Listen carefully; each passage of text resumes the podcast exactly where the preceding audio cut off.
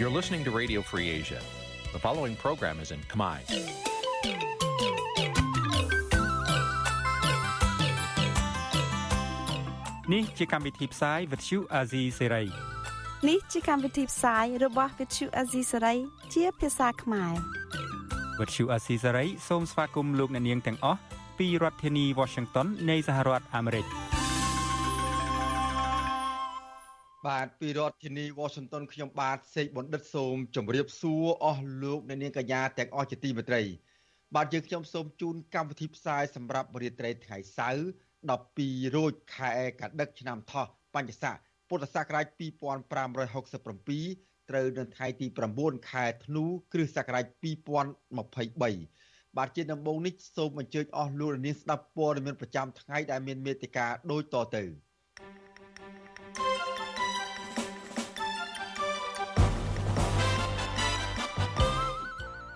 យុវជនធ្វើធម្មយាត្រាឆ្ពោះទៅទីលានប្រជាធិបតេយ្យដើម្បីប្រារព្ធទិវាសិទ្ធិមនុស្ស10ធ្នូ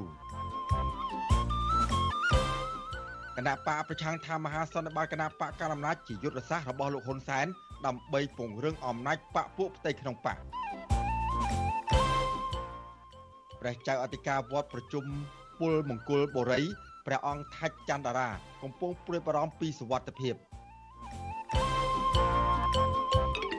អ្នកខ្លំមើលថាលោកហ៊ុនម៉ាណែតគួររៀនសូត្រពីមេដឹកនាំវៀតណាម ដែលរក្សាទំនាក់ទំនងជាមួយចិន និងអាមេរិកបានស្មើភាពគ្នារួមនឹងព័ត៌មានសំខាន់សំខាន់មួយចំនួនទៀតបាទជាបន្តទៅទៀតនេះសូមអញ្ជើញអស់លោកនាងស្ដាប់ព័ត៌មានពិស្ដាបាទសេចក្តីរាយការណ៍ចាប់ផ្ដើមដំបូងនេះយើងផ្ដោតទៅលើគម្រោងដំណើរទស្សនកិច្ចរបស់លោកនាយករដ្ឋមន្ត្រីហ៊ុនម៉ាណែតទៅកាន់ប្រទេសវៀតណាមបាទក្រុមអ្នកតាមដានបញ្ហានយោបាយជំរុញឲ្យលោកហ៊ុនម៉ាណែត ឲ្យរៀនសូត្រពីមេដឹកនាំវៀតណាម ដែលមានការសម្របសម្រួលខ្ពស់ក្នុងទំនាក់ទំនងជាមួយនឹងចិននិងអាមេរិកបាត់ការជំរុញនេះធ្វើឡើងស្របពេលដែលមេដឹកនាំចិន និងលោកហ៊ុនម៉ាណែតគ្រោងទៅធ្វើគ្រោងទៅធ្វើទស្សនកិច្ចនៅវៀតណាមនាសប្តាហ៍ក្រោយនេះបាទកញ្ញាខណ្ឌលក្ខណារាយការណ៍អំពីរឿងនេះដូចតទៅអ្នកខ្លមើជំរុញឲ្យរដ្ឋាភិបាលកម្ពុជាដឹកនាំដោយលោកហ៊ុនម៉ាណែត គួររៀនសូត្រពីមេដឹកនាំវៀតណាមដែលមានការសម្របសម្រួលខ្ពស់ក្នុងទំនាក់ទំនងជាមួយចិននិងជាមួយសហរដ្ឋអាមេរិកដើម្បីផលប្រយោជន៍ប្រទេសកម្ពុជាការជំរុញនេះស្របពេលលោកនាយករដ្ឋមន្ត្រីហ៊ុនម៉ាណែតក្រុងនឹងទៅបំពេញទស្សនកិច្ចនៅប្រទេសវៀតណាមចាប់ពីថ្ងៃទី11ដល់ថ្ងៃទី12ខែធ្នូនេះ ដើម្បីពង្រឹងទំនាក់ទំនងនិងចុះហត្ថលេខាលើឯកសារកិច្ចព្រមព្រៀងមួយចំនួនខណៈដែលមេដឹកនាំកម្ពុជាផុតលេខរបស់ប្រទេសចិន គឺលោកប្រធានាធិបតីស៊ីជីនពីងក៏នឹងទៅទស្សនកិច្ចនៅប្រទេសវៀតណាមនៅសប្តាហ៍ក្រោយនេះដែរសារព័ត៌មាន Reuters ចុះផ្សាយកាលពីថ្ងៃទី7ខែធ្នូបានឲ្យដឹងថាប្រធានាធិបតីលោកស៊ីជីនពីង នឹងទៅបំពេញទស្សនកិច្ចនៅប្រទេសវៀតណាមចាប់ពីថ្ងៃទី12ដល់ថ្ងៃទី13ខែធ្នូដើម្បីជួបជាមួយមេដឹកនាំរដ្ឋកម្ពុជាកម្ពុជារបស់វៀតណាមនិងពិភាក្សាអំពីការធ្វើឲ្យប្រសើរឡើងនៅទំនាក់ទំនងរវាងប្រទេសទាំងពីរ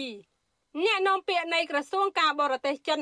លោកវ៉ាងវិនបៀនបាននិយាយនៅក្នុងសន្និសីទកសែតខ្លីមួយថា ក្រុមមេដឹកនាំនៃប្រទេសទាំងពីរនឹងផ្ដោតលើរឿងសន្តិសុខនយោបាយបញ្ហាពហុភាគីនិងដែនសមុទ្រនិងការជំរុញកិច្ចសហប្រតិបត្តិការបន្ថែមទៀតប្រទេសចិន គឺជាដៃគូពាណិជ្ជកម្មដ៏ធំបំផុតរបស់វៀតណាមនិងជាប្រភពដ៏សំខាន់នៃការនាំចូលសម្រាប់វិស័យផលិតកម្មរបស់វៀតណាម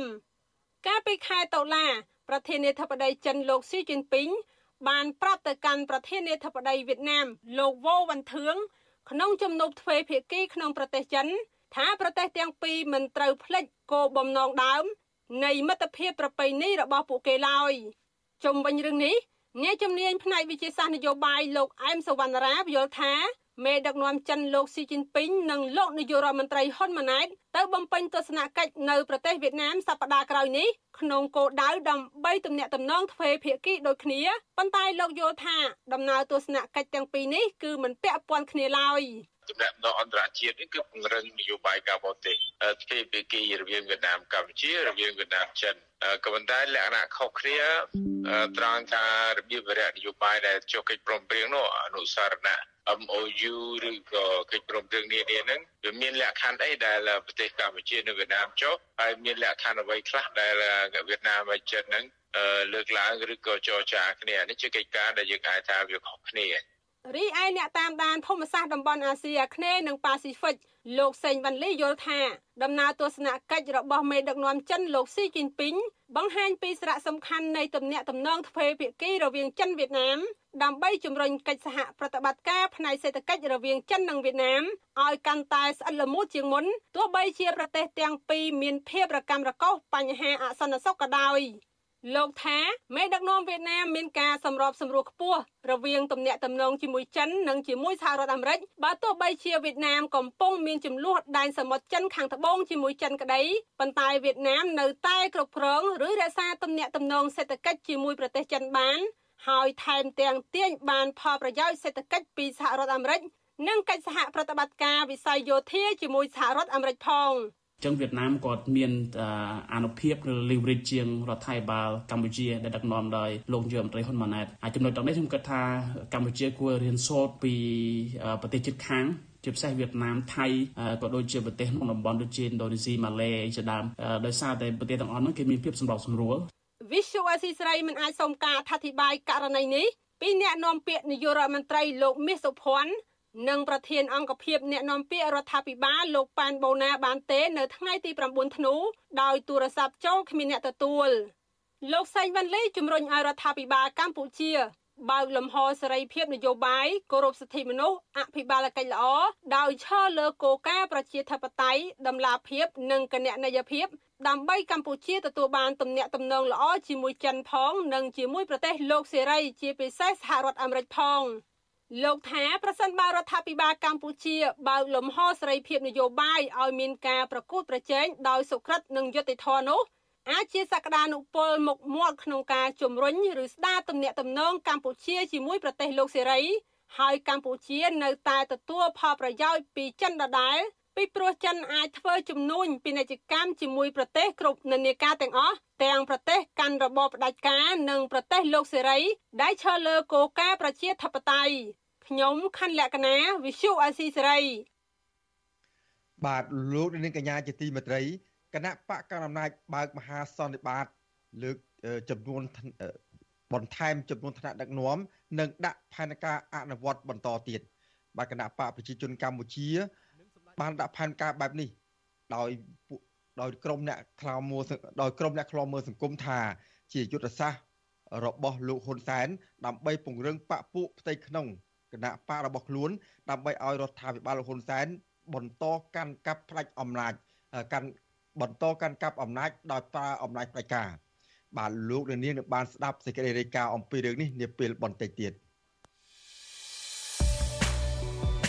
កម្មវិធី Vithu Azizi ស្រីសម្រាប់ទូរស័ព្ទដៃអាចឲ្យលោកនាង អានអត្ថបទទស្សនាវីដេអូនិងស្ដាប់ការផ្សាយផ្ទាល់ដោយឥតគិតថ្លៃនិងដោយគ្មានការរំខានដើម្បីអាននិងទស្សនាមេតិការថ្មីថ្មីពី Vithu Azizi សេរីលោកអ្នកនាងគ្រាន់តែចុចបាល់កម្មវិធីរបស់ Vithu Azizi សេរីដែលបានដំឡើងរួចរាល់លើទូរស័ព្ទដៃរបស់លោកអ្នកនាង ប្រសិនបើលោកអ្នកនាងចង់ស្ដាប់ការផ្សាយផ្ទាល់ឬការផ្សាយចាស់ចាស់សូមចុចលើប៊ូតុងរូប Vithu ដែលស្ថិតនៅផ្នែកខាងក្រោមនៃកម្មវិធីជាការស្រេច។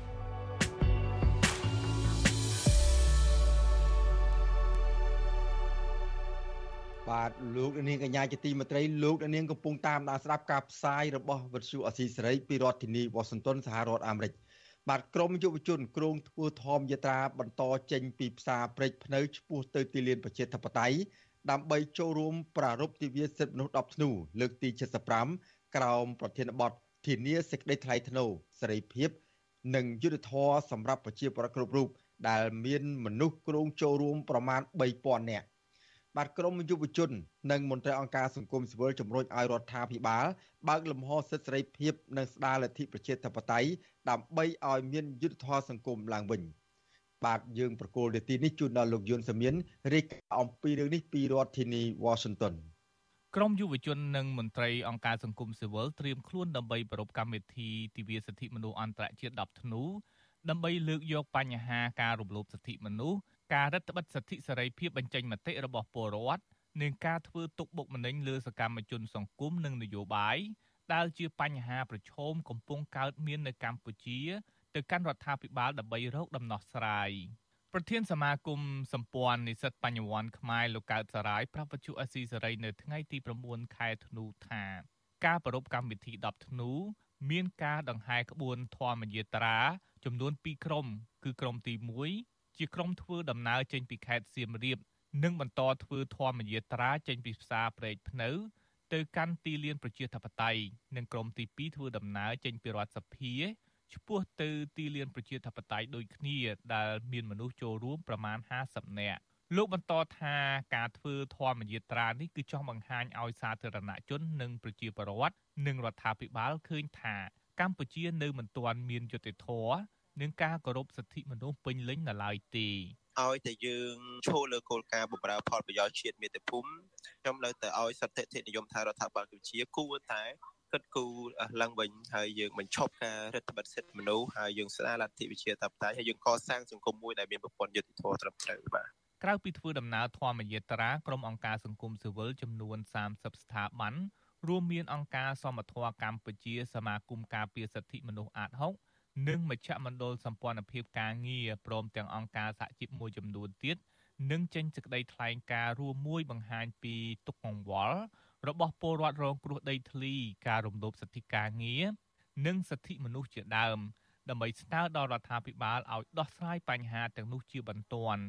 នៅក្នុងនោះក៏មានការចូលរួមពីអ្នកការពារសិទ្ធិមនុស្សក្រុមអ្នកតស៊ូមតិនិងតំណាងអង្គទូតប្រទេសប្រជាធិបតេយ្យ ឡើងសម្ដែងមតិពីទុកកង្វល់របស់ខ្លួនផងដែរជាមួយគ្នានេះដែរប្រជាពលរដ្ឋស្រឡាញ់ប្រជាធិបតេយ្យប្រមាណ100នាក់នៅប្រទេសជប៉ុនក៏នឹងចូលរួមដង្ហែក្បួនទិវាសិទ្ធិមនុស្សអន្តរជាតិ10ធ្នូនៅទីក្រុងតូក្យូ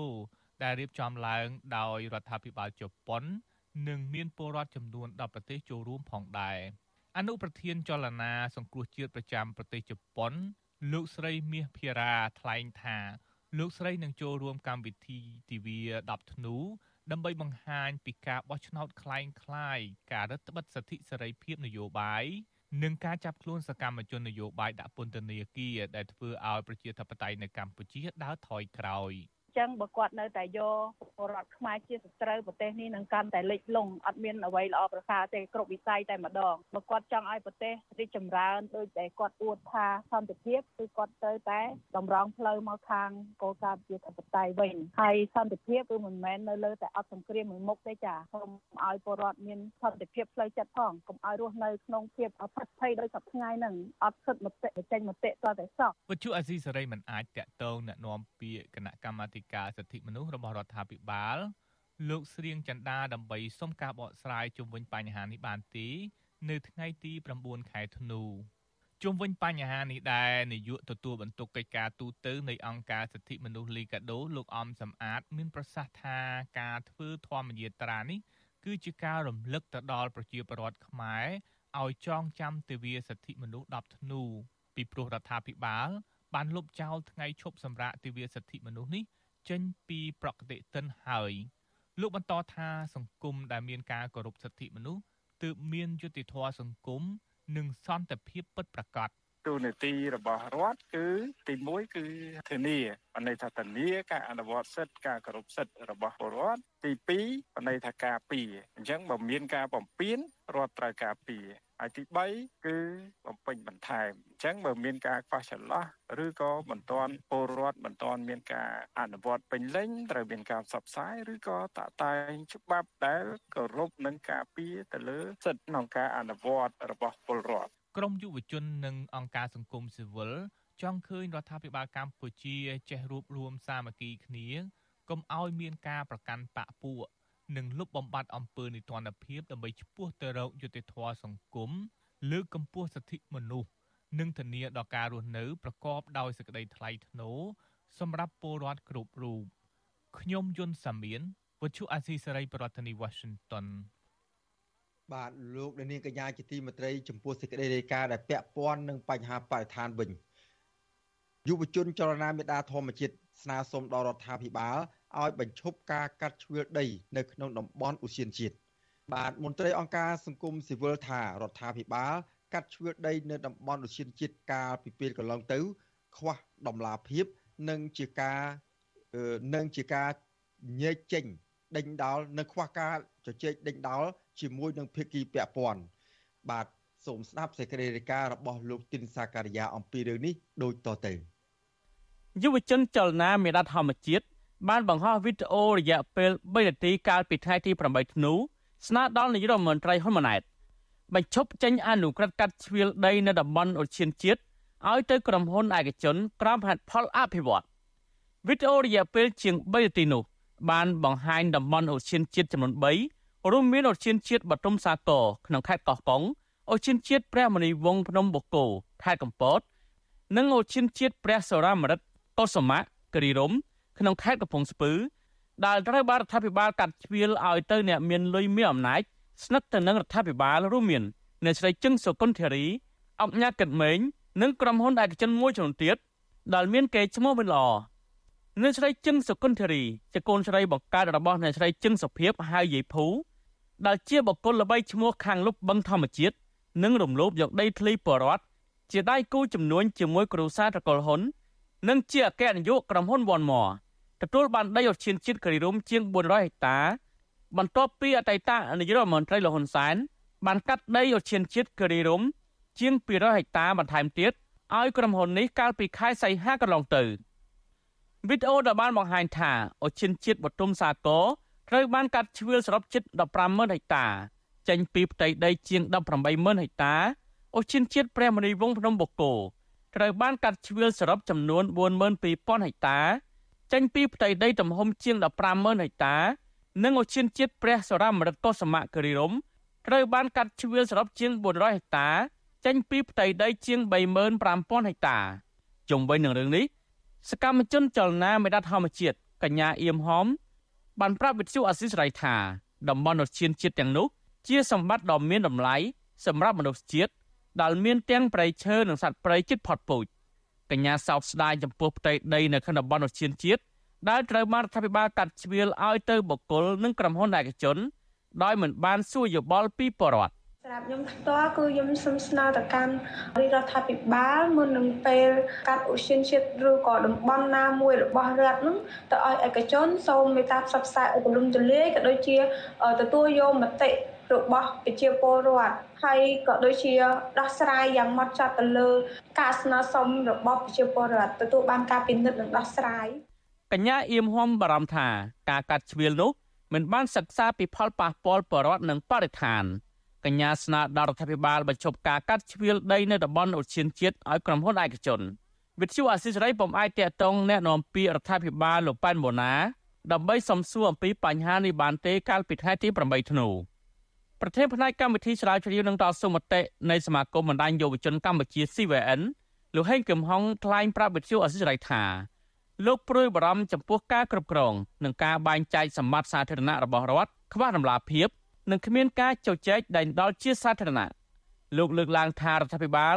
គួរតែពិគ្រោះយោបល់ជាមួយភាគីពាក់ព័ន្ធនិងសហគមន៍មូលដ្ឋានមុននឹងកាត់ជ្រឿលតំបន់ណាមួយនិងបង្កើតច្បាប់ស្តីពីការធ្វើអនុប្រយោគដីសម្បត្តិរបស់រដ្ឋជាដើម។ បើសិនជារដ្ឋនៅតែបន្តធ្វើការចាត់ចែងបែងចែកទ្រព្យសម្បត្តិរដ្ឋដោយអត់មានការពិភាក្សាជាមុនពីភាគីពាក់ព័ន្ធទេខ្ញុំយល់ថាវានឹងធ្វើឲ្យមានការព្រួយបារម្ភអំពីដំណាភាពគណនេយ្យភាពរបស់រដ្ឋចំពោះមុខប្រជាពលរដ្ឋផងបាទទី2គឺអាចបង្កឲ្យមានការចូលទៅកាន់កាប់ដោយអត់មានការធ្វើការពិគ្រោះយោបល់ជាមួយនឹងអ្នកជំនាញដែលធ្វើឲ្យទ្រព្យសម្បត្តិនៅទីនោះត្រូវបានធ្លាក់ទៅដល់ឯកជនដោយអត់មានការដឹងឮពីភាគីពាក់ព័ន្ធផង សកម្មជនបរិស្ថាននិងមន្ត្រីអង្គការសង្គមស៊ីវិលនៅតែស្នើដល់រដ្ឋាភិបាលឲ្យជជែកដេញដោលជាសាធារណៈជាពិសេសជាមួយសហគមន៍មូលដ្ឋាន អំពីផលប៉ះពាល់បរិវត្តនិងបរិស្ថានមុននឹងសម្រេចផ្ដាល់សិទ្ធិវិនិយោគលើដីក្នុងតំបន់ការពារឬតំបន់អូសៀនជាតិឲ្យទៅបុគ្គលឬក្រុមហ៊ុនឯកជនខ្ញុំបាទទីនសាការីយ៉ាអស៊ីសេរីប្រធានាធិបតី Washington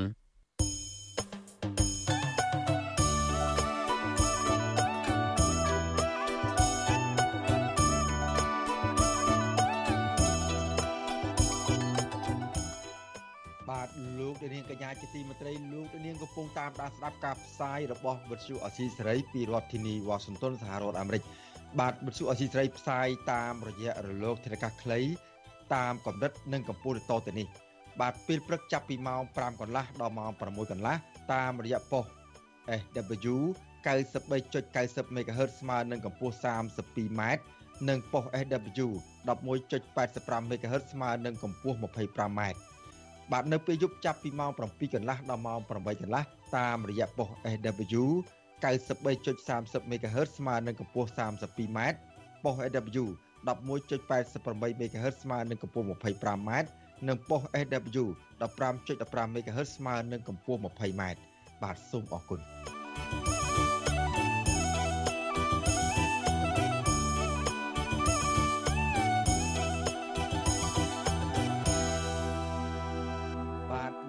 កញ្ញាជាទីមេត្រីឥឡូវនេះយើងងាកមកមើលស្ថានភាពនយោបាយនៅក្នុងប្រទេសកម្ពុជាវិញម្ដងបាទគណៈបកប្រជាជនកម្ពុជា ធ្វើមហាសន្និបាតវិសាមញ្ញដោយដាក់ផែនការអនុវត្តបន្តនិងបញ្ចូលថ្នាក់ដឹកនាំថ្មី ជាពិសេសជ្រើសរើសអនុប្រធានបកបន្ថែមទៀតបាទអ្នកតាមដានស្ថានភាពសង្គមនិងមន្ត្រីគណៈបកប្រឆាំងយល់ឃើញថា មហាសន្និបាតនេះជាយុទ្ធសាស្ត្ររបស់លោកហ៊ុនសែន ដើម្បីពង្រឹងអំណាចបកពួកផ្ទៃក្នុងគណៈបករបស់ខ្លួន ដែលធ្វើឲ្យរដ្ឋាភិបាលរបស់លោកហ៊ុនម៉ាណែតកាន់តែបន្តរបបផ្ដាច់ការបាទសូមស្ដាប់សេចក្តីរាយការណ៍របស់លោកច័ន្ទដារ៉ូអំពីរឿងនេះដូចតទៅ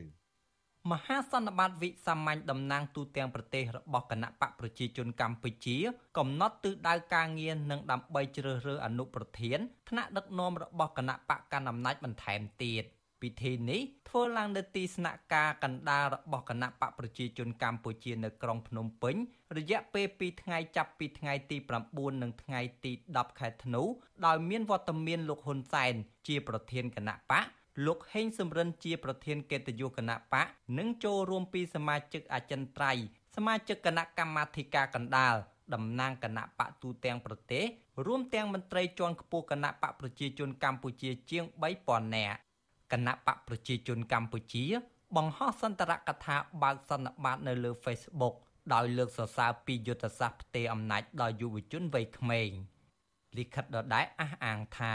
រដ្ឋាភិបាលអាណត្តិទី7ក្រោមការដឹកនាំរបស់លោកហ៊ុនម៉ាណែតរយៈពេល74ខែមកនេះ នៅតែបន្តរក្សានៅប្រក្តីភាព ផ្នែកនយោបាយសង្គមសេដ្ឋកិច្ចជាពិសេសការទូតកាន់តែមមាញឹកឡើង ដែលធ្វើឲ្យដំណើរការដឹកនាំរបស់មនុស្សចំនួនថ្មី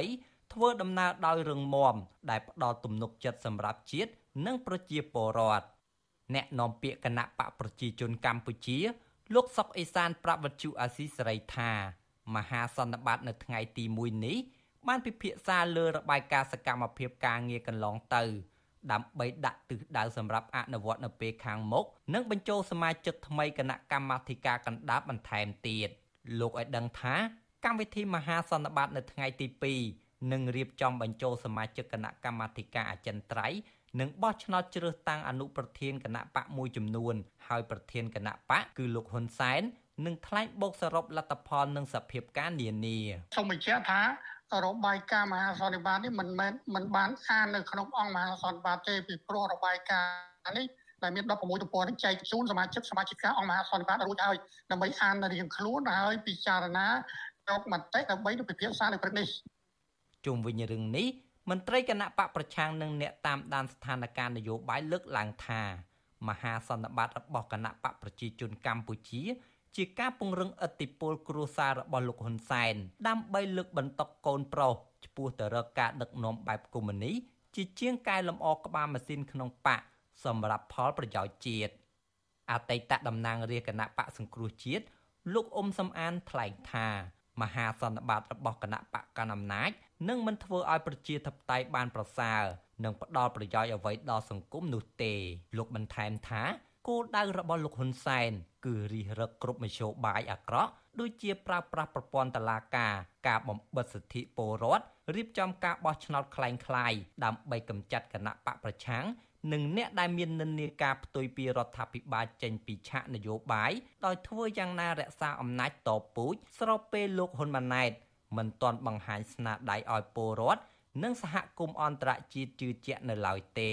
យុទ្ធសាស្ត្ររបស់គេដូច្នេះមានន័យថាគេនឹងរិះរកយុទ្ធសាស្ត្រយ៉ាងម៉េចដើម្បីឲ្យអាចកាន់អំណាចបន្តទៀតតាមរយៈការរៀបចំការបោះឆ្នោតខ្លីៗបន្តទៀតឲ្យលោកហ៊ុនម៉ាណែតនឹងអាចឈរនៅក្នុងតំណែងជានាយករដ្ឋមន្ត្រីបន្តទៀតណាហើយនឹងកម្ចាត់ដៃគូប្រគល់ប្រជានយោបាយហ្នឹងពីឆាននយោបាយនៅពេលដែលដៃគូនយោបាយឬគណៈបកណាមួយដែលជាគូប្រគល់ប្រជារបស់គណៈបកប្រជាជន ចំណែកអ្នកអត្ថាធិប្បាយនយោបាយលោកកឹមសុខមើលឃើញថា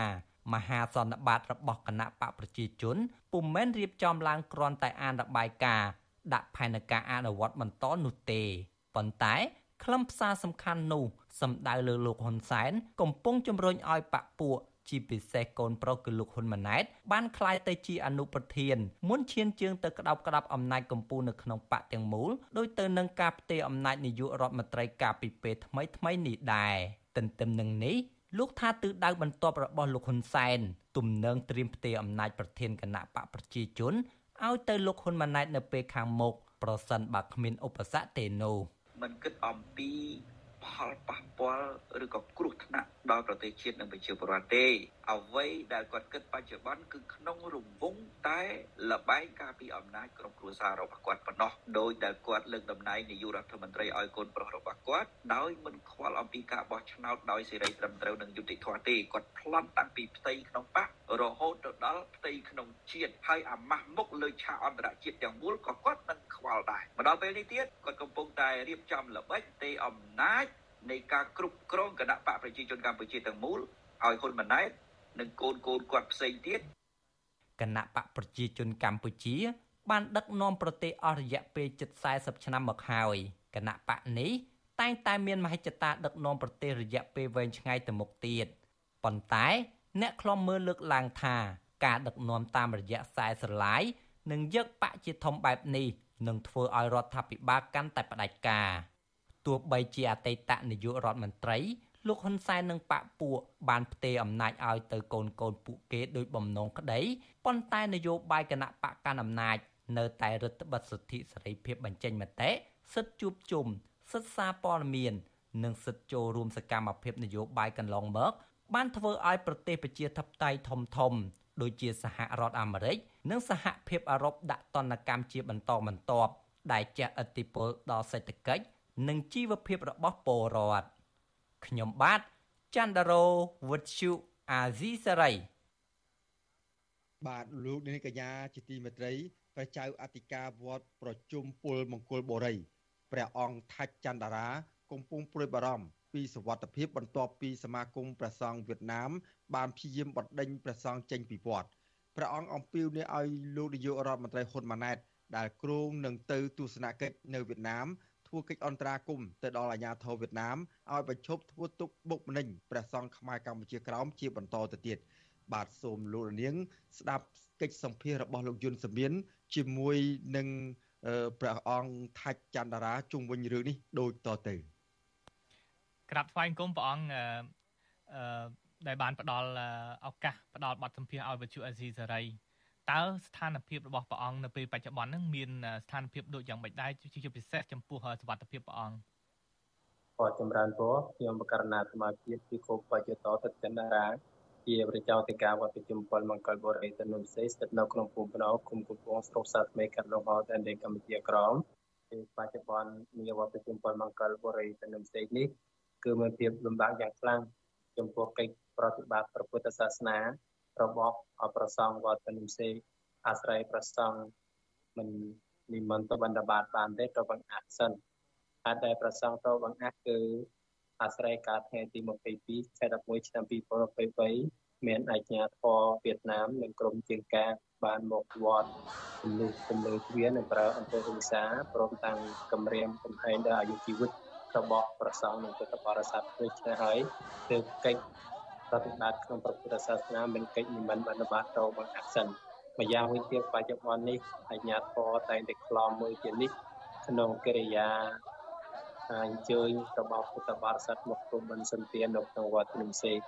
ម្យ៉ាងវិញទៀតអាជ្ញាធរតែងដើរទៅតាមភូមិជាពិសេសគឺបតារបស់ញោមប្រុសញោមស្រីអសមនេតូចតូចនៅក្នុងបូរៀនក្នុងវត្តប្រជុំពលមង្គលបរិយទុំសេកគឺទី1 ទៅដើម្បីប្រាប់មិនអោយសមនេរទាំងឡាយគួររៀនប្រតិបត្តិនៅក្នុងវត្តភ្នំសេកទី2ឲ្យទៅនៅក្នុងប្រទេសទី3គឺឲ្យទៅក្នុងវត្តផ្សេងក្រៅអំពីវត្តភ្នំសេកនៅក្នុងគោលបំណងគឺបំបែកនៅសាមគ្គីផលរវាងប្រសង់នៅក្នុងវត្តប្រជុំពលមង្គលបរិយាភ្នំសេកនិងការបំបែកនៅពុទ្ធបរិស័ទនេះគឺជាសេចក្តីលំបាកដែលកើតឡើងនៅក្នុងពេលបច្ចុប្បន្ននេះ បាទចុះសវត្ថភាពព្រះអង្គផ្ទាល់ខ្លួនវិញយ៉ាងម៉េចដែរ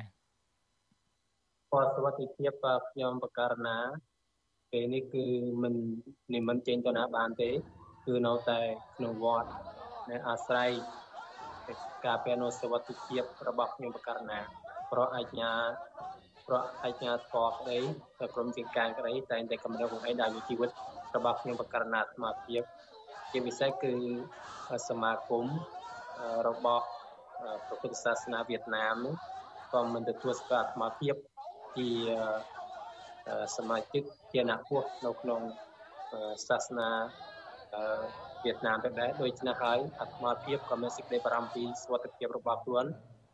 មិននិមន្តទៅណាទេគឺនៅក្នុងវត្តនេះដើម្បីការពារសុខភាពនិងថែរក្សានៅពុទ្ធបរិស័ទនិងប្រសង់គួររៀននៅក្នុងវត្តជាបន្ត គណៈ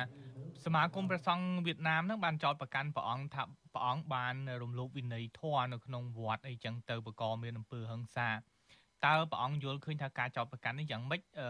គូបំណងពិតរបស់ព្រះសង្ឃវៀតណាមនោះព្រះអង្គការចោទប្រកាន់របស់អឺលោកសង្ឃវៀតណាមខាងមហាយាននេះគឺជាការមូលបង្កាច់យ៉ាងពិតប្រាកដប្រសងនៅក្នុងវត្តនេះ ត្រឹមតែក្នុងកិច្ចការងារសិក្សារៀនសូត្រប្រតិបត្តិនៅក្នុងពុទ្ធសាសនាអំពីសិលសិក្ខាបទមានសិលសមាធិបញ្ញាតែប៉ុណ្ណោះមិនមានការប្រព្រឹត្តខុសអំពី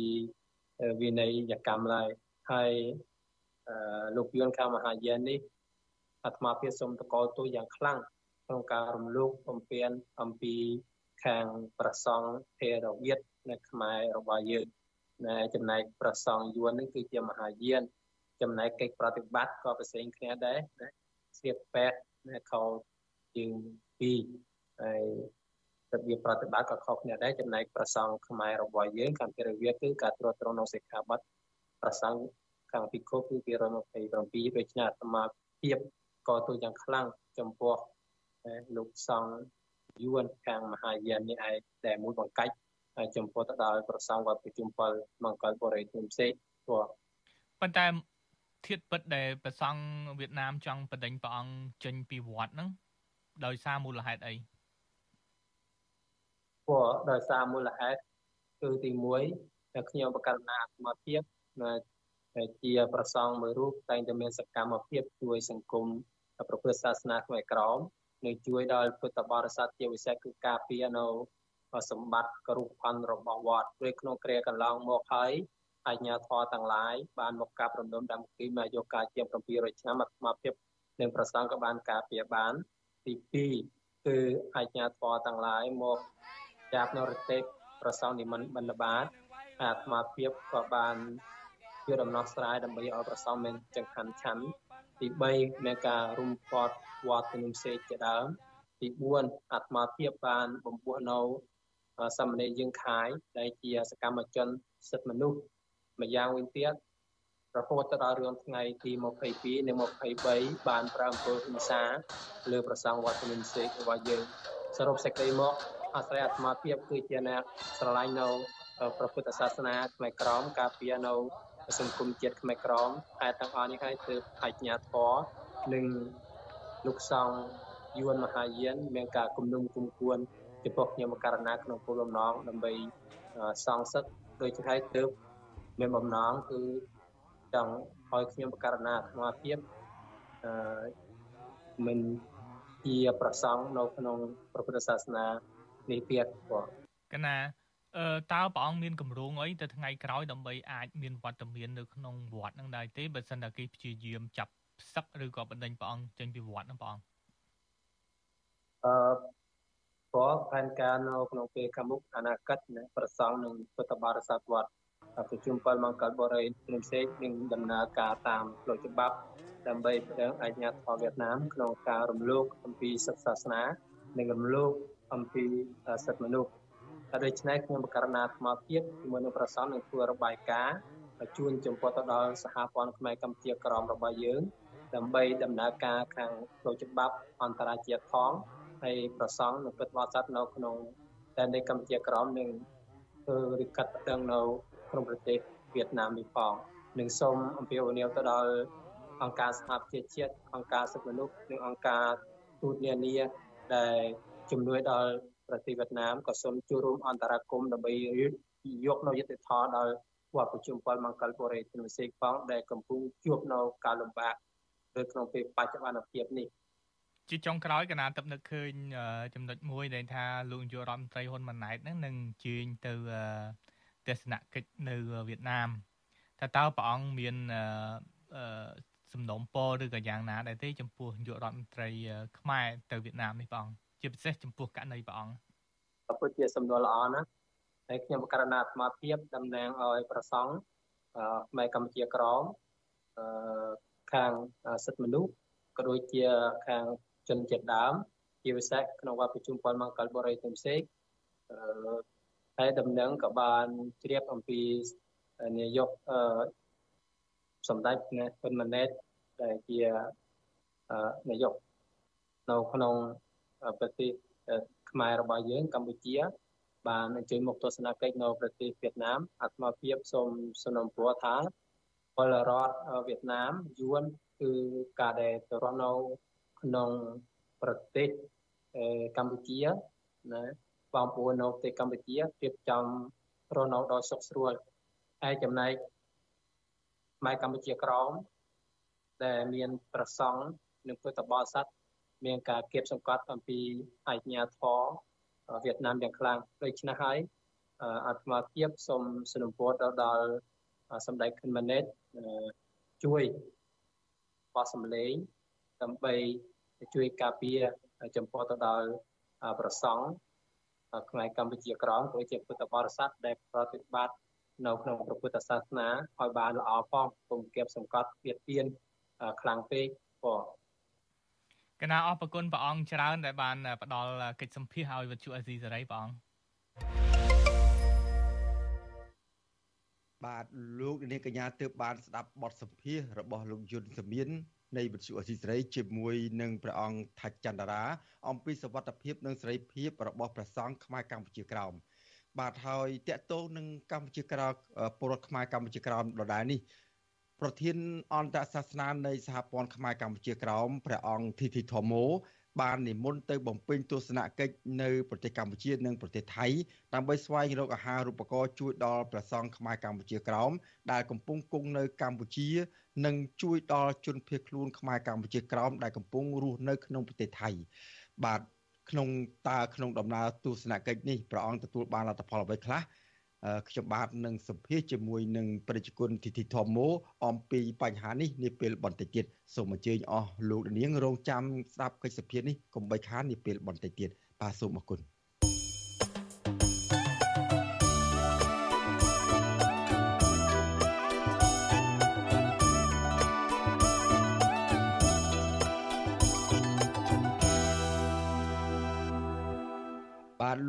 ញ្ញា ជាទីមន្ត្រីជាបន្តទៅទៀតនេះយើងក៏លេចទៅមើលស្ថានភាពរបស់ប្រជាពលរដ្ឋនៅតំបន់រុនតាឯកនៃខេត្តសៀមរាបឯនោះវិញបាទតំណាងពលរដ្ឋនៅតំបន់រុនតាឯកលើកឡើងថាប្រជាពលរដ្ឋភៀសច្រើននៅតែបន្តទុកដីនិងផ្ទះចោលដើម្បីធ្វើការនិងប្រកបមុខរបរនៅក្រុងសៀមរាបពីព្រោះនៅរុនតាឯកគ្មានការងារធ្វើបាទមន្ត្រីអង្គការសង្គមស៊ីវិលលើកឡើងថាដើម្បីឲ្យពលរដ្ឋរស់នៅតំបន់រុនតាឯកមានជីវភាពសមរម្យ រដ្ឋាភិបាលគួរបង្កើតឱកាសការងារក្នុងតំបន់រុនតែឯងនោះដោយផ្ទាល់បាទសូមស្ដាប់សេចក្តីរាយការណ៍របស់លោកយ៉ងច័ន្ទរាអំពីរឿងនេះពីរដ្ឋធានី Washington តំណាងប្រជាពលរដ្ឋរស់នៅតំបន់រុនតាឯកនិងអង្គការសង្គមស៊ីវិលស្នើដល់រដ្ឋាភិបាលឲ្យបង្កើតមុខរបរឬចែកដីស្រែចម្ការទៅដល់ប្រជាពលរដ្ឋដើម្បីឲ្យប្រជាពលរដ្ឋអាចរស់នៅតំបន់រុនតាឯកបាន។ តំណាងពលរដ្ឋដែលត្រូវបង្ខំចិត្តទៅរស់នៅតំបន់រុនតាឯកម្នាក់ប្រាប់វិទ្យុអាស៊ីសេរីដោយលក្ខខណ្ឌសុំមិនបញ្ចេញឈ្មោះនិងសម្លេងថាប្រជាពលរដ្ឋនៅតំបន់រុនតាឯកនៅតែទុកដីនិងផ្ទះចោលលោកបន្តថាបើទោះបីជារដ្ឋាភិបាលផ្ដល់រថយន្តក្រុង10គ្រឿងនិងបន្តចែកបានសម្បត្តិដល់ប្រជាពលរដ្ឋដែលរស់នៅតំបន់រុនតាឯកក្តីក៏មិនអាចលើកកម្ពស់ជីវភាពប្រជាពលរដ្ឋបានរយៈពេលយូរនោះឡើយ។ រដ្ឋាភិបាលរបស់លោកហ៊ុនសែនកាលពីឆ្នាំ2022កន្លងទៅ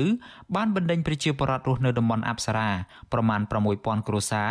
ដោយបង្ខំឲ្យទៅរស់នៅតំបន់រុនតាឯកក្រោមហេតុផលខ្លាចអង្គការ UNESCO ដកតំបន់ប្រាសាទអង្គរវត្តចេញពីបញ្ជីបេតិកភណ្ឌពិភពលោកក៏ប៉ុន្តែការលើកឡើងនេះត្រូវបានអង្គការ UNESCO បដិសេធថាមិនមែនជាការពិតនោះទេ កាលពីថ្ងៃទី8ខែធ្នូលោកនាយរដ្ឋមន្ត្រីហ៊ុនម៉ាណែតបានប្រកាសថានឹងអភិវឌ្ឍតំបន់រុនត្អែកនេះឲ្យคล้ายទៅជាទីក្រុងក្រៅពីចែកអំណោយបញ្ចូលក្របខ័ណ្ឌទៅដល់គ្រូបង្រៀននិងគ្រូពេទ្យជាប់កិច្ចសន្យាជាធ្នូឲ្យពួកគេបន្តធ្វើការនៅតំបន់រុនត្អែកហើយនោះលោកហ៊ុនម៉ាណែតក៏បានផ្ដល់រថយន្តក្រុង10គ្រឿងដើម្បីដឹកប្រជាពលរដ្ឋពីតំបន់រុនត្អែកទៅមកក្រុងសៀមរាបដោយឥតគិតថ្លៃទៀតផង។ កន្លងទៅខ្ញុំឃើញមានអង្គការអន្តរជាតិមួយចំនួនឆ្លៀតឱកាសអ្នកនយោបាយមួយចំនួនឆ្លៀតឱកាសមកវាយប្រហាររាជរដ្ឋាភិបាលថាយកប្រជាជនយកមកបោះចោលទាំងវេទនាខ្ញុំថាអ្នកនិយាយនឹងគួរឲ្យមកមើលនឹងប្រទេសកម្ពុជាមិនមែនប្រទេសអ្នកមានដូចសហរដ្ឋអាមេរិកដូចប្រទេសនេះតែប្រទេសមួយនេះមានរាជរដ្ឋាភិបាលមានឋានៈដឹកនាំដែលមិនអត់ចិត្តទេខិតខំដើម្បីធ្វើយ៉ាងណាប្រែក្លាយឲ្យការលឿនមិនទុកឲ្យប្រជាពលរដ្ឋចោលទេ ជុំវិញរឿងនេះប្រធានសមាគមសម្ព័ន្ធនិស្សិតបញ្ញវន្តខ្មែរលោកកើតសារាយដែលធ្លាប់បានចុះកម្មសិក្សានៅតំបន់រុនតាឯកយល់ឃើញថាការចែកអំណោយនិងផ្ដល់រថយន្តក្រុងធ្វើដំណើរដោយឥតគិតថ្លៃនេះមិនមែនជាយន្តការលើកកម្ពស់ជីវភាពប្រជាពលរដ្ឋនៅតំបន់រុនតាឯកដោយនិរន្តរភាពឡើយ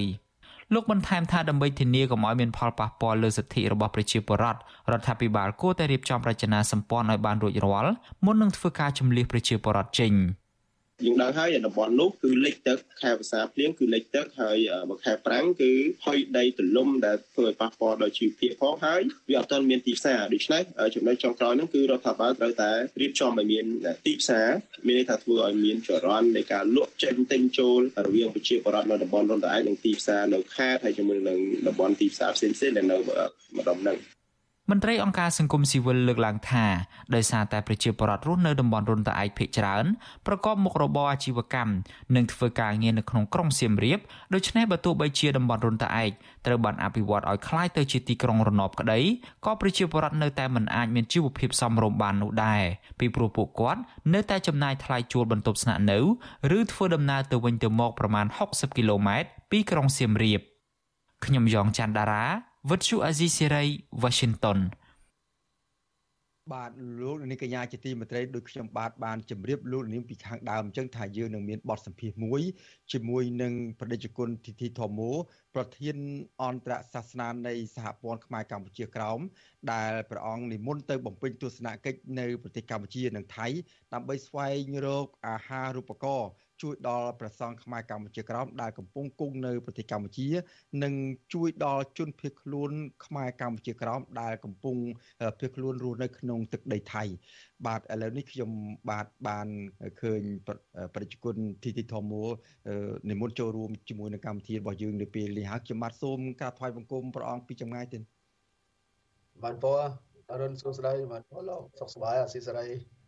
កណាសុខសប្បាយប្រជាជនយ៉ាងម៉េចដែរព្រះអង្គបាននិមន្តទៅដល់ប្រទេសកម្ពុជា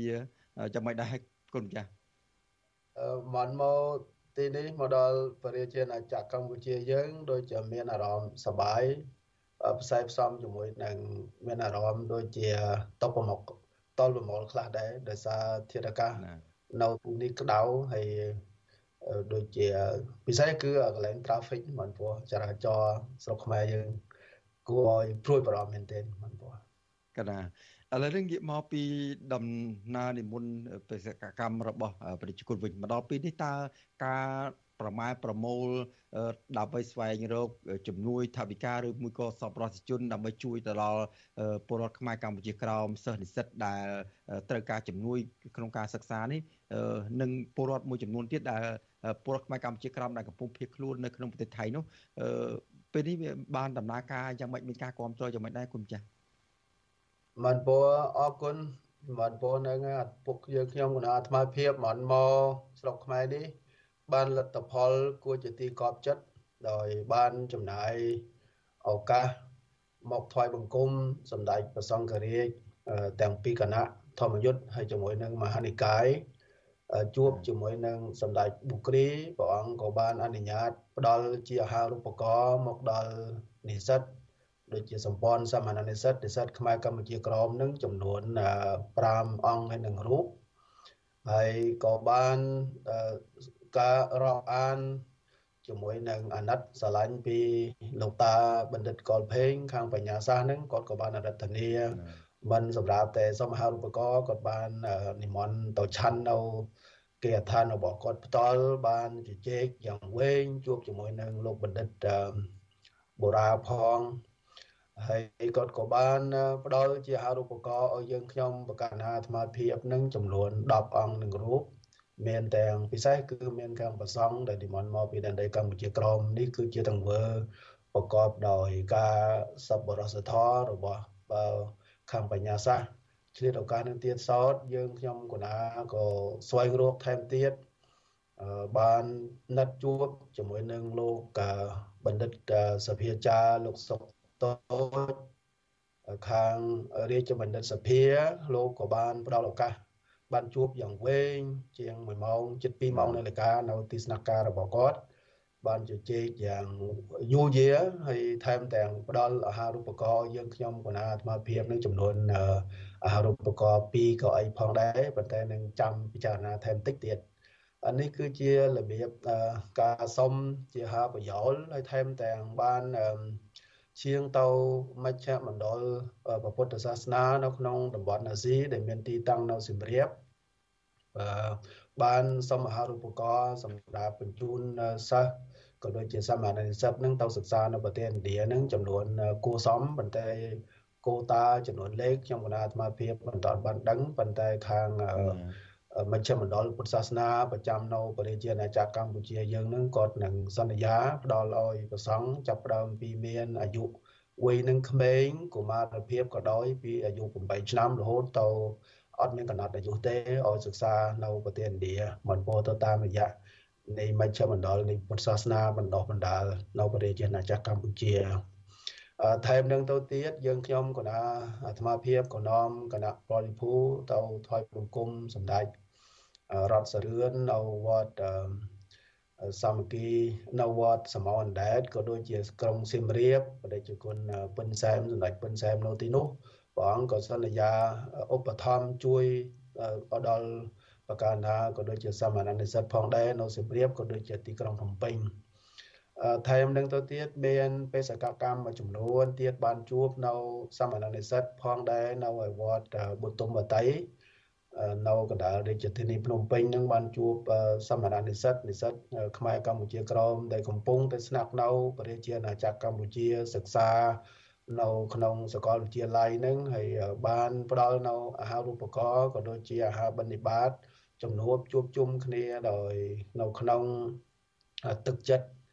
ជាសហធម្មិកៈផងនៅក្នុងនាមជាភាតរភាពផងដែលបានឃ្លាតឆ្ងាយចេញពីស្រុកក៏អាចថាបានមកស្នាក់អាស្រ័យនៅឯប្រជាណាចក្រកម្ពុជា ស្វែងរកចំណេះវិជ្ជា ដើម្បីនឹងសិក្សាអប់រំនេះជាបេសកកម្មដ៏ខ្លីៗនៅទីនេះហើយមានកិច្ចការមួយចំនួនទៀតយើងខ្ញុំគណៈអាត្មាភាពសូមសង្ខេបពីបេសកកម្មនៅស្រុកខ្មែរ ហើយថ្ងៃស្អែកឆ្លៀតនឹងរៀបចំចូលរួមប្រជុំផងដែរវេទិកាកម្មវិធីមួយទៀតដែលអស់លោកអ្នកនាងយល់ថាថ្ងៃស្អែកគឺជាឱកាសដ៏សំខាន់គឺថ្ងៃ10ធ្នូដើម្បីនឹងប្រព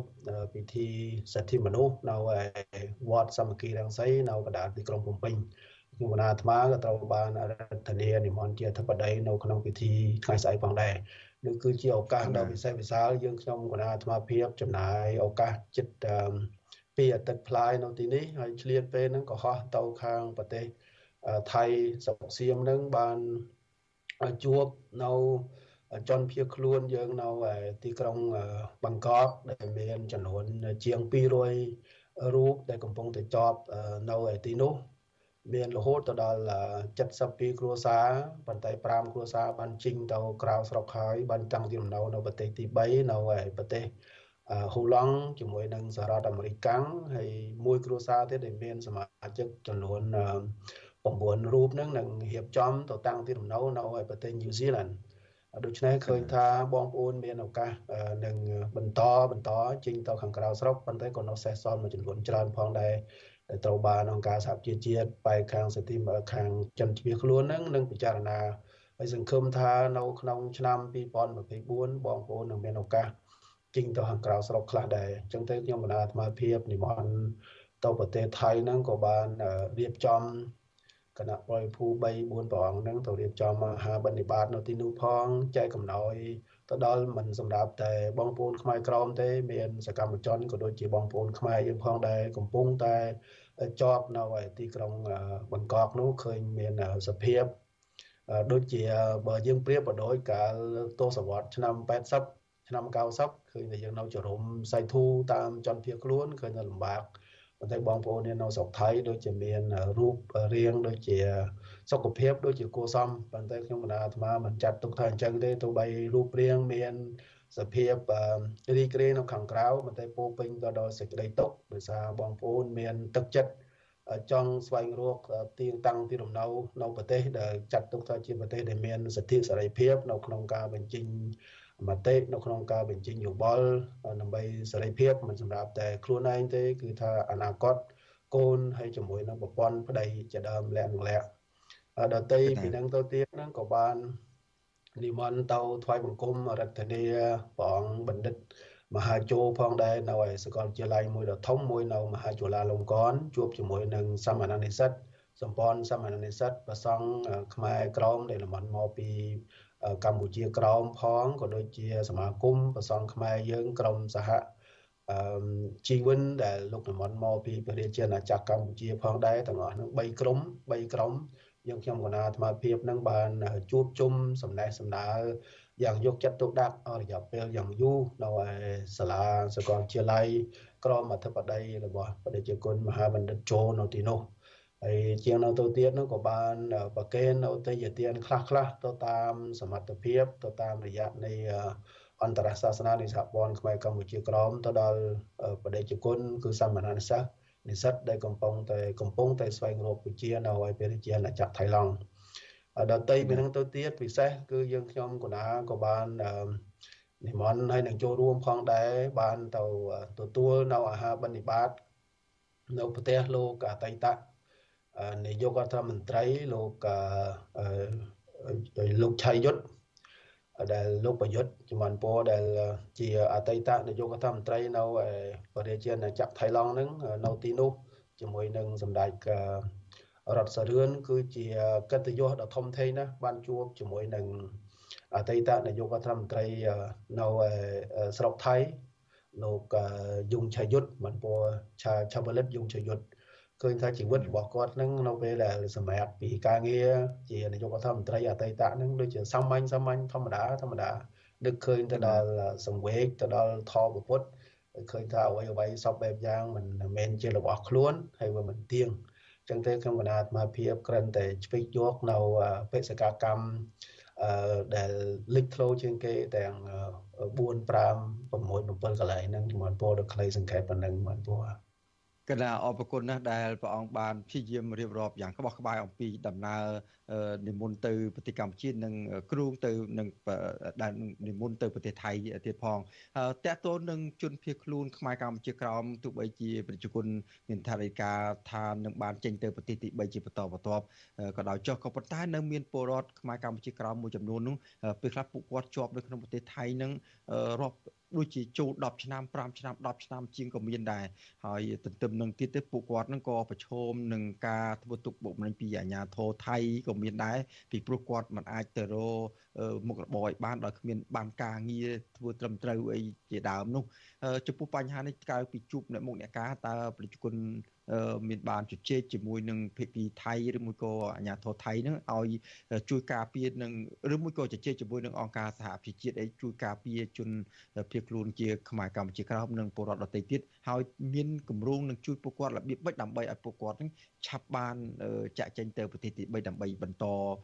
ជីវិតកសាងសង្គមគ្រួសារឡើងវិញបន្ទាប់ពីគាត់នឹងរងការលំបាកអស់ជាច្រើនឆ្នាំកន្លងមកនេះទៀត បានពោអរគុណលោកនៅតំណបេសកកម្មទៀតសោតមិនបានជួបភ្នាក់ងារទទួលបន្ទុកតែជន់ភៀសខ្លួនទេប៉ុន្តែនៅពេលដែលនិមន្តនៅទីនោះនឹង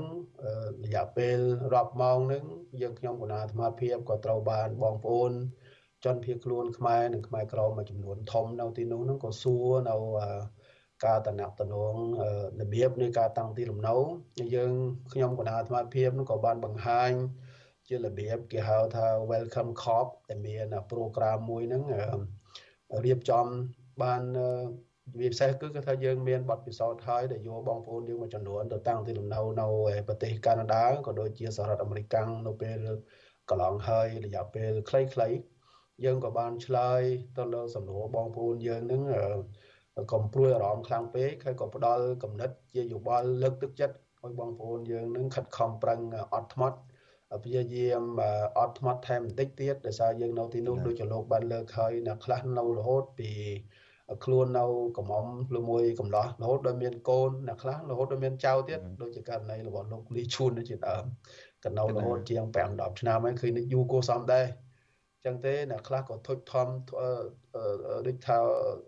ថប់ជាមួយនឹងដំណើរនៃជីវិតរស់នៅប៉ុន្តែព្យាយាមយកក្នុងគណៈអាត្មាភាពនឹងខិតខំប្រឹងបញ្យល់គាត់ផងហើយថែមទាំងលើកស្មារតីផ្ដល់ជាគំនិតយោបល់ថាបងប្អូននៅបានដល់ប៉ុណ្ណឹងប៉ុណ្ណឹងស៊ូថែមតិចទៀតទៅព្រោះឱកាសពេលខ្លះទៅទៅតាមសម្ពាលសម្ពាលសម្ពាលបនមិនព្រោះដែលយើងកសាង ពីអតីតជាតិខ្លះទៅមិនតាន់ដល់ពេលដែលយើងត្រូវបានទទួលនៅផលហ្នឹងចឹងទេធំសូមឲ្យបងប្អូនយើងនឹងទ្រាំបន្តិចទៀតហើយត្រឡប់ពីនឹងទៀតសោតនឹងខាងអន្តរសាសនាក៏ដូចជាសហព័ន្ធខ្មែរកម្ពុជាក្រមយើងនៅខាងក្រៅស្រុកនឹងយើងក៏មានផែនការកន្លងហើយគេថាចិត្តជាង1ឆ្នាំទៅហើយប៉ុន្តែការងារអនុវត្តយឺតយ៉ាវអាត្មាជឿថាដោយសារបច្ចេកទេសផ្សំជាមួយនឹងសម្បត្តិស្នាមឯផងអញ្ចឹងទេបន្ទាប់ពីនឹងយើងនឹងត្រឡប់ទៅវិញដោយសារមាន គម្រោងការចាត់ជាគេហៅ group of 5ហ្នឹងដែលត្រូវមានយ៉ាងហោចពី5គ្រួសារឡើងទៅហើយមានលុយដោយសារប្រទេសនីមួយៗហ្នឹងមានប្រូក្រាមកម្មវិធីហ្នឹងខុសគ្នាតិចតួចតួយ៉ាងដូចជានៅប្រទេសកាណាដាក្នុងមួយគ្រួសារត្រូវចំណាយត្រូវដាក់លុយក្នុងធនាគារមានមាន account ហ្នឹងពី5000ឡើងទៅដែលឡែកនៅអាមេរិកមានតែ2700 2000 370ដុល្លារទេដូច្នេះចំណាយតិចជាងអ្នកនៅប្រទេសកាណាដាដូច្នេះក៏គ្រប់ off file ហ្នឹងតើមានចំនួនពី5អ្នកឡើងទៅហើយ register បើក account នៅត្រឹមត្រូវហើយអាចធានាបងប្អូនយើងពីពីសុកថៃទៅបានអ្នកដែលមានសិទ្ធិជាគេហៅ refugee status ដែលបានជាប់ត្រូវបានអង្គការសហប្រជាជាតិជាជនភៀសខ្លួននឹងទទួល ឋានៈជាជនភៀសខ្លួននៅត្រឹមត្រូវហើយបានត្រូវបានសម្ភាសឆ្លងកាត់ជាមួយអង្គការសហប្រជាជាតិដូច្នេះមានឱកាសនឹងទៅតាំងទីលំនៅនៅទីនោះប៉ុន្តែរឿងយូរនឹងឆាប់អាត្មាមានសុទិដ្ឋិនិយមសុភវិនិច្ឆ័យថាកងតែមានពលឺមានសេរីភាព មានឱកាសចេញទៅក្រៅស្រុកគ្រឿងបងខ្លះចំនួនខ្លះបងប្អូននឹងក៏ធុញថប់ជាមួយនឹងដំណើរជីវិតនៅទីនោះដូចជាលោកលើកឡើងមិនមិញអញ្ចឹងដោយសារសពថ្ងៃហ្នឹងមានគ្រួសារម្នាក់ បងប្អូនខ្មែរក្រមដែរកាលកន្លងហើយ3 4 5ខែហ្នឹងត្រូវបានទម្រួតនៅស្រុកថៃហ្នឹងចាប់ដោយសារជីងទៅខាងក្រៅយើងធម្មតានៅទីនោះឃើញថាជីវិតហ្នឹងក៏វាលំបាកដែរជីវភាពរស់នៅជីងទៅខាងក្រៅហ្នឹងបេះគឺទំបេះម្ទេសជាមួយនឹងបេះបន្លែជាដើមដើម្បីឲ្យចិញ្ចឹមជីវិតរស់នៅសពថ្ងៃប៉ុន្តែដោយសារឃើញករណីរបស់ អូនស្រីម្នាក់ដែលជាប់យូរជាងគេហើយសពថ្ងៃកំពុងជាប់នៅពន្ធនាគារនៅសពថៃនៅឡើយទី1ដោយសារយើងខ្វះខាតថវិកាទី2ទៀតតាក់ទិនជាមួយនឹងផ្លូវច្បាប់យើងអត់មានមេធាវីជួយការពារទៅលើបងអូនស្រីនោះដែលកំពុងជាប់ហើយអាណោចអាថមអោយថែមនឹងទៅទៀតនោះដោយសារបងអូននឹងមានកូនស្រីផងនៅជាមួយនឹងនៅជាមួយនឹងជីដូនសពថ្ងៃហ្នឹងអញ្ចឹងទៅជាប់ជាង1ឆ្នាំទៅហើយ ដល់ឡែកជនជាតិយួនគេត្រូវបានតម្រួតថៃហ្នឹងចាប់ច្រើនជាងខ្មែរក្រមផងប៉ុន្តែដោយសារគេមានលុយមានកាយអញ្ចឹងប៉ុន្តែអានេះក៏ជាចំណុចមួយឆ្លងកាងទីសល់ខ្ញុំកណាអាត្មាភាពក៏សូមពាវនាវផងដែរទៅលើទឹកចិត្តបងប្អូនខ្មែរខ្មែរក្រមឬមួយជនជាតិណាក៏ដោយដែលមានទឹកចិត្តជួយជំរុញធ្វើយ៉ាងណាហ្នឹងសម្រួលផ្លូវច្បាប់យើងក៏បានជួបជាមួយនឹងគ្រួសារហ្នឹងសូមឲ្យគាត់នឹងអត់ធ្មត់ថែមបន្តិចទៀតដោយសារយើងនឹងតវ៉ា ទៅដល់ថ្នាក់លើតាក់ទងជាមួយនឹងអ្នកអរអរគុណកណាឥឡូវសូមងាកពីរឿងដំណើរបេសកកម្មរបស់ព្រះអង្គនៅកម្ពុជានិងប្រទេសថៃឥឡូវសូមនិមន្តសួរព្រះអង្គរឿងពីចម្លងចំណាស់នៅតំណុំសេកវិញនៅវត្តតំណុំសេកខ្មែរកម្ពុជាក្រោមមកទល់ពេលនេះតើព្រះអង្គយល់មិនដែរចំពោះបញ្ហាដែលវៀតណាមកំពុងធ្វើទុកបុកម្នេញទាមទារផ្សឹកផងបដិញលោកឲ្យចេញពីវត្តឯផងទៀតសូមមានមួយនាទីគុណចា៎ ចំបានពោអាត្មាជឿថាករណីវត្តតំណុំសេកក្នុង